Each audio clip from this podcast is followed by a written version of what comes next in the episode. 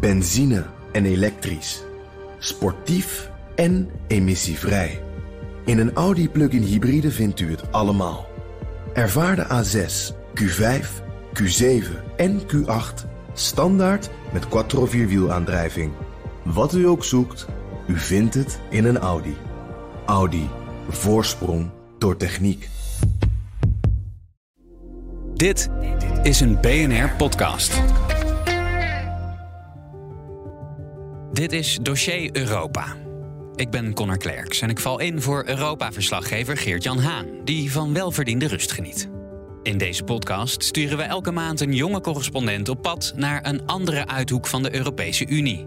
In ons derde dossier gaat Joost Dobber naar Ierland. Een uitzondering in Europa, waar populisme lange tijd geen voet aan de grond kreeg. Maar door een tekort aan woningen, een kwakkelende gezondheidszorg en stijgende migratiecijfers begint ook dat te schuiven. Tegelijkertijd worstelt Ierland met haar eigen kwestie, de hereniging. Dit is aflevering 1. Ierland, gidsland.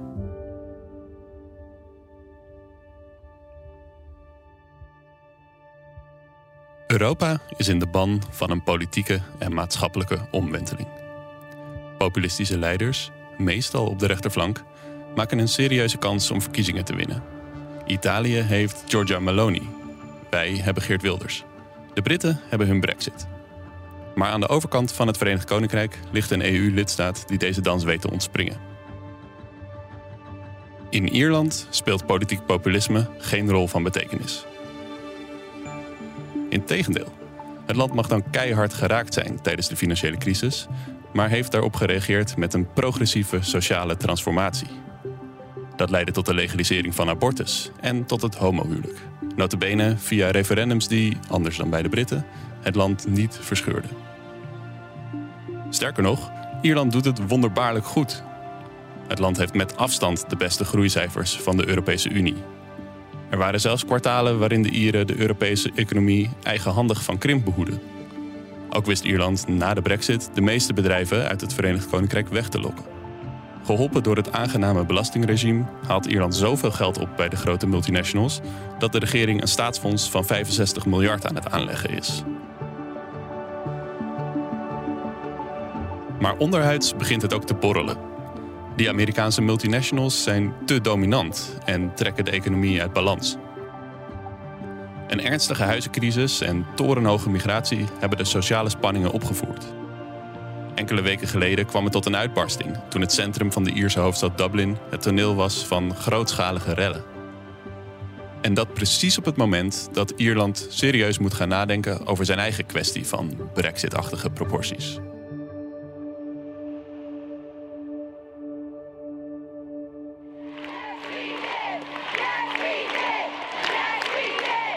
Zo klonk de Ierse hoofdstad Dublin vijf jaar geleden. In mei 2018 koos twee derde van de Ierse kiezers er in een referendum voor om abortus te legaliseren. Het terrein van Dublin Castle stroomde vol met dolblije Ieren, jonge Ieren vooral. De overwinning die ze te vieren hadden, was er niet zomaar in. De legalisering van abortus was de bezegeling van een sociale transformatie, die het van oudsher behoudende Ierland definitief op de kaart zette als modern en progressief land. Yeah, I'm proud to be Irish today. I think Ireland's coming so far in the last 10 years, and I think it's just really shown that we're not so influenced by the church as much anymore. And it's just quite reassuring that we can now stay in our own country and we don't have to get the boat to For the healthcare. UK for healthcare, yeah. We're progressive. We're not a conservative country anymore. Mijn naam is Joost Dobber. Als correspondent in Londen zijn de afgelopen jaren van mijn leven opgeslokt door één enkele kwestie: de Brexit. Ik zag van dichtbij hoe de Britten zichzelf in twee kampen opdeelden: van Leaver en Remainer. En hoe de politiek verstrikt raakte in het vertrek uit de Europese Unie. Die nationale missie waarvan niemand ooit echt goed had vastgelegd waar die toe diende. Maar die Brexit stond natuurlijk niet op zichzelf. Het was een opstand van de ontevreden burger. Tegen vergeten regio's, tegen massa-immigratie, tegen bestuurders die het contact met het volk zouden zijn kwijtgeraakt. Zulke onvrede leeft overal in de westerse wereld. Kijk naar Trump, Le Pen en Meloni. Of uiteraard naar de zegen van Geert Wilders bij de Nederlandse verkiezingen. Toch is er een EU-land dat hier grotendeels immuun voor lijkt. Ierland trok zich niets aan van de bezorgdheid van veel Europeanen over massa-immigratie. Het land zette de poorten wagenwijd open, waardoor tegenwoordig 1 op de 5 inwoners elders zijn geboren. Terwijl de Britten worstelden met hun EU-referendum, stemden de Ieren voor legalisering van het homohuwelijk en dus ook voor het recht op abortus. En terwijl partijen als de AFD, de Broeders van Italië, Vox en de PVV hun electorale opmars maakten, bleven de Ieren hun centrumrechtse en centrumlinkse politieke leiders het vertrouwen geven. Ladies and gentlemen, boys and girls, good morning. You're all very welcome aboard this Ryanair scheduled service F4 115 from London Gatwick to Dublin. My name is Robert. Daarom laat ik Londen achter me en ben ik op weg naar Dublin, naar de overkant van de Brexit, om te onderzoeken wat de Ieren nu zo anders maakt. Mijn eerste stop is Dublin Castle, die plek waar vijf jaar geleden de viering was. So this is uh, the front square of Dublin Castle, which um, was the traditional seat of uh, British colonial power. Um, so it was a very contested space in in Ireland, but uh, in recent years. Elections and things have been counted here, and it was uh, filled with um, people celebrating and waiting for the results of the marriage equality and abortion referendum. Dit is Jane Suter, politicoloog van Dublin City University en expert op het gebied van populisme. Het kasteel is een stuk stiller dan vijf jaar geleden. Er staan wat etenskraampjes en een heleboel kerstbomen. Er hangt een sterke geur van dennennaalden. So it's kind of it was a, a symbol of uh, oppression and colonialism, and now it's a symbol of uh, Ireland taking control of its own destiny in the 21st century and progressive values. Ik probeer erachter te komen waarom er geen grote populistische partijen zijn in Ierland. Want het Ierse politieke landschap is best wel vreemd. Er zijn drie grote partijen. De eerste twee, Fine Gael en Fianna Fáil, zijn allebei centrumrechtse partijen en hebben in de honderdjarige geschiedenis van Ierland met z'n tweeën altijd de dienst uitgemaakt. Ze lijken zoveel op elkaar dat ze ook wel gekscherend Tweedledum en Tweedledee worden genoemd. So the two big parties, as you say, Fianna Fáil and Fine Gael, were either side of the Civil War. So they were either side of the um, of the huge argument which led to the Civil War in uh, in 1922. One was uh, pro-treaty, in other words, agree with the British to the partition of the island, and the other was anti-treaty, in other words, fight against the uh, partition of the island. And this was one of the most uh, salient distinctions um, for a long number of years. So, up until almost the 1980s, between them, these two parties got 80% of the, of the vote. That has now gone down to less than 50% of the vote. And the other thing that happened is that the smaller parties, it used to be the Labour Party was the main centre left. Um, but it would go into um, into coalition with one of the uh, the larger parties and would almost always come away with a much lower share of the vote. It will be the main one punished by the electorate at the next election. So that kept the Labour Party small. In more recent years, since the peace agreement in uh, Northern Ireland, Sinn Féin has seen its vote increase and it's replaced the Labour Party as the main party of uh, centre left uh, opposition. Oké, dat was een kleine geschiedenisles. Maar het verleden is in Ierland nu eenmaal nooit ver weg. Jane heeft het over het Brits-Ierse verdrag uit 1921. Dat maakte een einde aan de Ierse onafhankelijkheidsoorlog en resulteerde uiteindelijk in de opdeling van het eiland, waarin Noord-Ierland onderdeel bleef van het Verenigd Koninkrijk en het zuiden de onafhankelijke Republiek Ierland werd. De vraag of je voor of tegen dat verdrag was, is tijdens het grootste deel van de Ierse geschiedenis de belangrijkste vraag geweest voor kiezers. Die bepaalde of je voor de ene centrumrechtse partij of voor de andere was. Maar tegenwoordig is dat onderscheid minder van belang. En is er een derde partij in opkomst.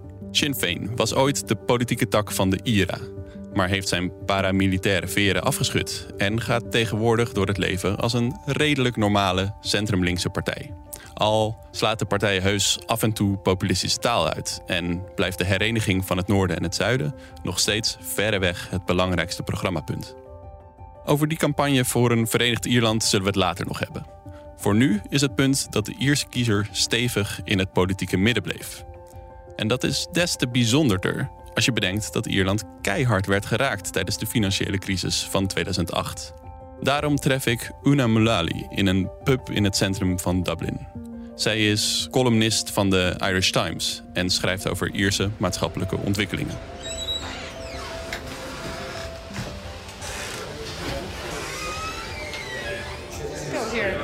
Perfect. I'll get something. Then what would you like? Uh, I'll Drink, do you drink Guinness now? Yeah, I'll have a Guinness then. Ik vroeg haar hoe Ierland reageerde op de crisis. What happened after that, I guess, was people's, you know, contemporary contacts and their futures were ruined. You know, there was mass emigration again.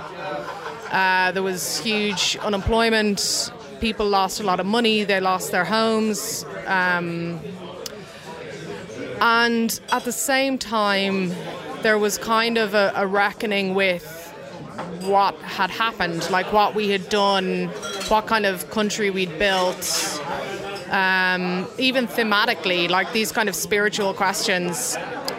And so, what was also happening was this huge generational shift in values. So, the moral of the authority of the Catholic Church had really depleted because of the child sex abuse scandals.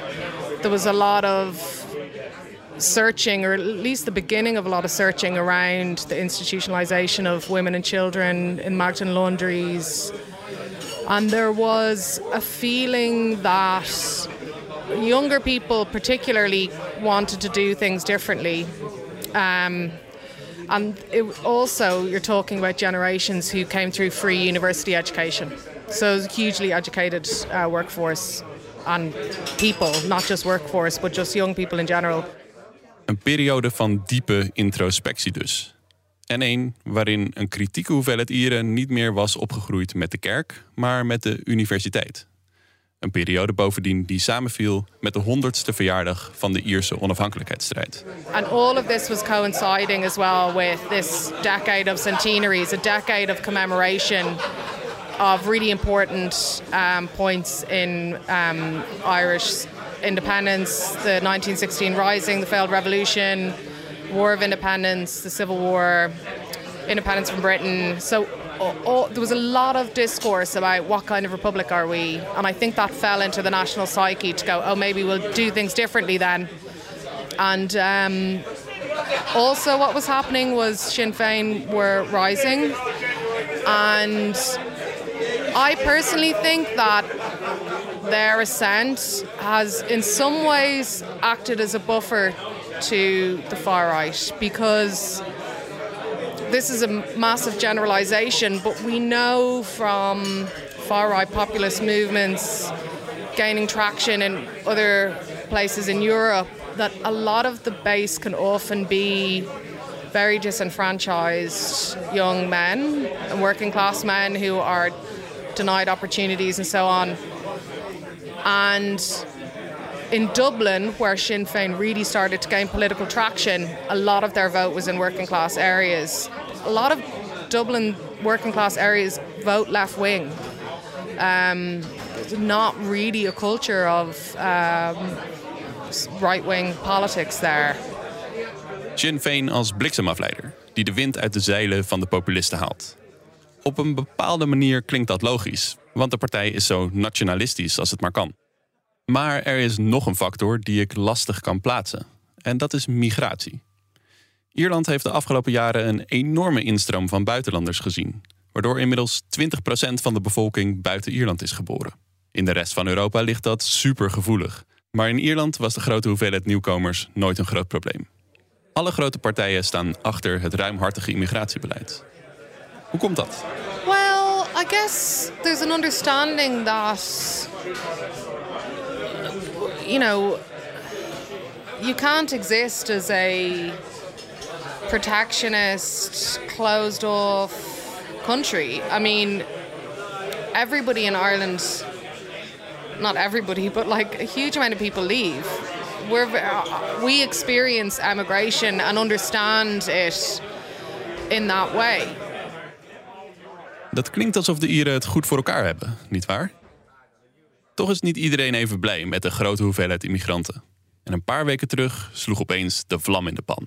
Hundreds of police officers faced down a swarm of rioters in central Dublin. The mob of about 100 setting fire to buses and police vehicles and looting more than a dozen businesses.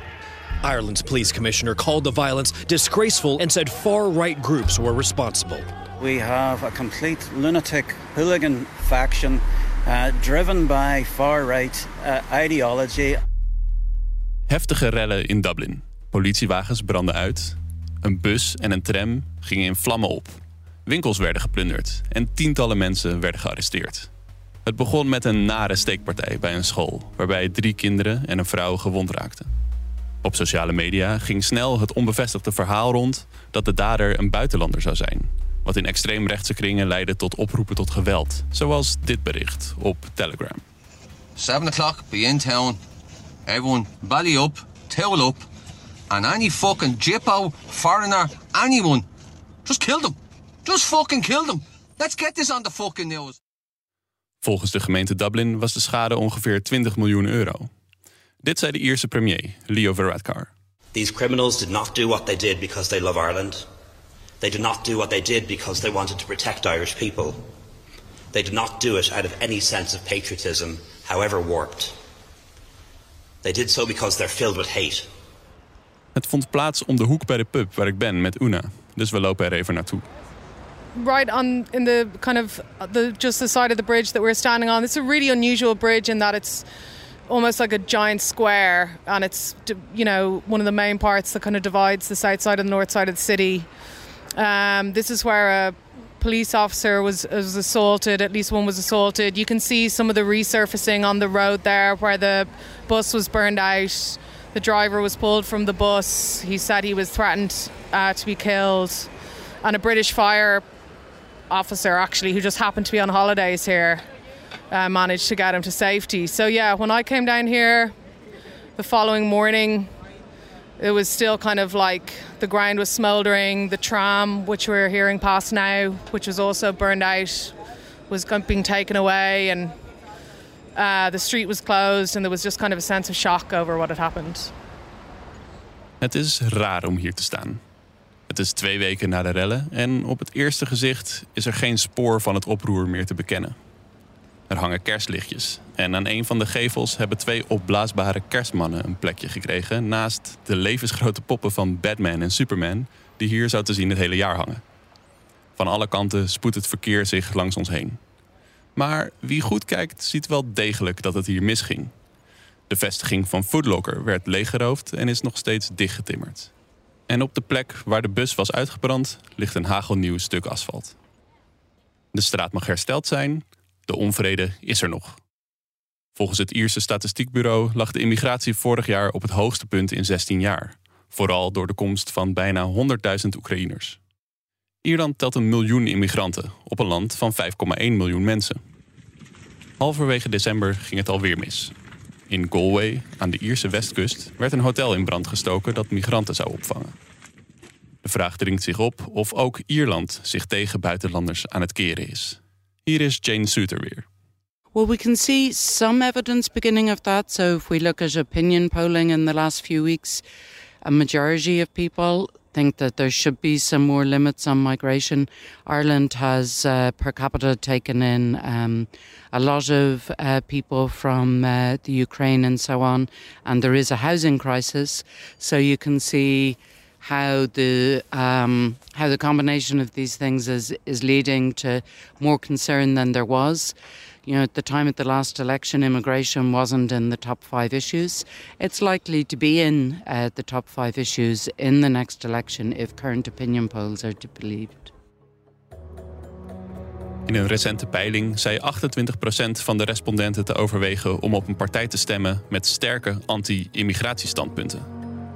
Dat is tweemaal zoveel als de vorige keer dat die vraag gesteld werd in 2021. Het zijn nog geen Brexit-achtige niveaus, maar wel een teken dat ook in Ierland de tijden aan het veranderen zijn. De onderliggende factor is de huizenmarkt. Die is in crisis. Na de financiële crash van 2008 lag de Ierse vastgoedsector op zijn gat, waardoor er jarenlang veel te weinig gebouwd is. Nu is er een schreeuwend tekort aan woningen en is Dublin een van de duurste steden van Europa om in te wonen. Gekoppeld aan de lastige situatie in de Ierse ziekenhuizen, die flink onder druk staan, brokkelt de steun af om nog meer mensen in het land te laten. Het is een van de symptomen van de iets wat bizarre situatie in de Ierse economie. Die is aan de ene kant enorm succesvol, maar ook behoorlijk uit balans. Daarover meer in aflevering 2.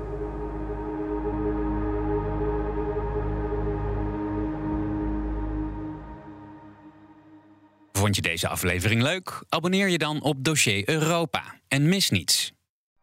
Benzine en elektrisch.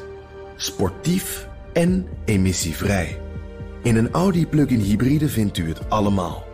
Ervaar de A6, Q5, Q7 en Q8 standaard met quattro vierwielaandrijving.